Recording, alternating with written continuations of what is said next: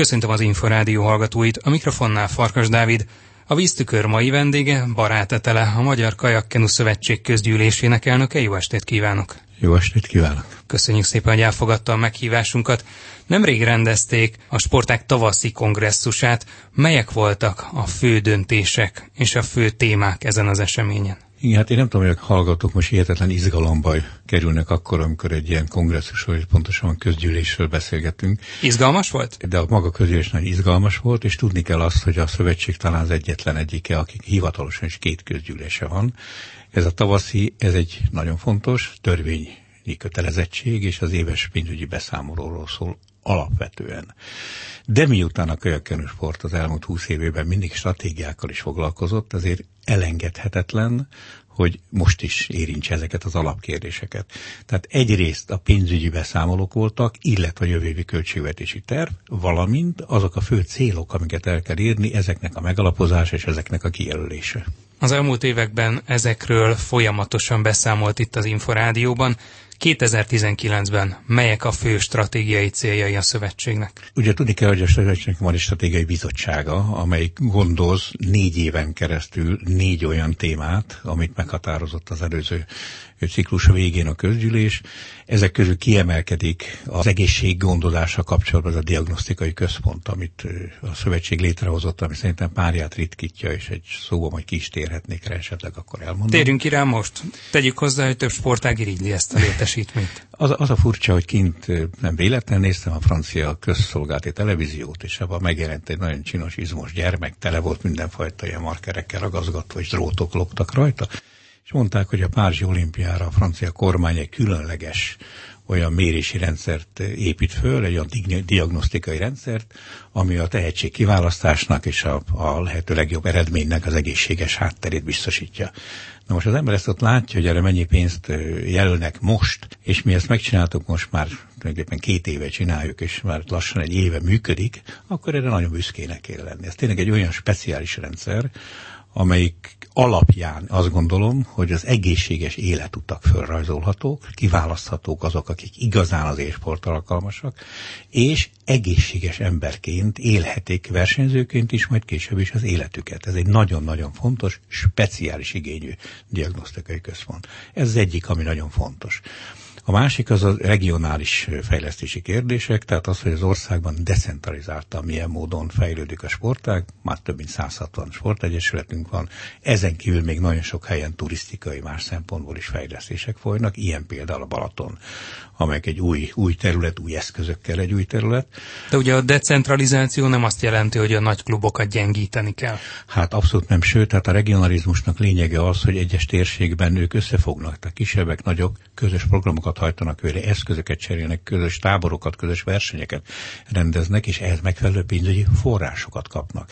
Ezek a pénzügyi források nem olyan hatalmasak még mindig nem, de azért egy ilyen 30-40 millió forint, tehát már elegendő ahhoz, hogy ezeket a szervezési feladatokat elvégezzék, és nagyon fontos feladata ennek, hogy kistérségenként, helyen nőjön ki az a menedzser réteg, aki ezeket a szakosztályokat, egyesületeket a jövőben jól tudja vezetni. Látszik, hogy ez mennyire nő ki? Hogyne, nagyon-nagyon sok fiatal, nagyon sok fiatal jelenik meg az új egyesületeknél, szakosztályoknál vezetőként, tehát én azt hiszem, hogy ez egy nagyon-nagyon jó irány. Hát talán az egyik legfontosabb, és ez visszavezethető most a mostani közgyűlésre is, ez a fenntarthatóságnak a kérdése, ami ugye a fenntartható költségvetésről szól, de ez természetesen miután egy költségvetés alapvetően a tevékenységeket tükrözi, és a benne lévő arányok, azok a stratégia elemei, ki mire, mennyit fordít, ezért nagyon fontos, hogy a jövő tekintetében milyen módon lehet továbbra is megőrizni ezt a versenyzői állományt, ami egyébként évről évre, hála Istennek növekszik, milyen módon lehet esetleg másfajta költségvetési környezetben is a tevékenységet föntartani. Ebben mondok egy kiúró példát, ez az edzői támogatás, hiszen egy sportág lényege, az az edző, a jó felkészült edző. Akkor mindig lesz versenyző, ki tudja választani, utána szervezni kell a munkáját, az edző a lényeges. És én azt hiszem, hogy itt például egy nagyon fontos dolog, hogy az ő fizetésük, az ő rendszerük, a képzésük, folyamatos képzésük, egy életen keresztül történő eladásuk biztosítható legyen. Ugye ezek azért a legfontosabb elemei ennek a stratégiának. De van egy olyan kérdéskör, ami megint csak összefügg a regionalizmussal is, meg összefügg a fenntartatósággal is. Ez az, hogy milyen módon lehet a létrehozni a szabad térben játszódó sportágak között egy olyan kapcsolatrendszert, ami nem újabb terheket tesz a szövetségekre, hanem egy olyan összefogás, ahol az önkormányzatok, a sportegyesületek, iskolák, de nagyon fontos, hogy a gazdasági szervezetek részt vegyenek benne. Ugye a Kajakkerú Szövetség több nagyon komoly mennyiségű Európai Uniós pályázatot nyert el, és ezek között nem csak olyan, mi magyar kiírás, hanem hogy effektíve konkrét brüsszeli pályázat is.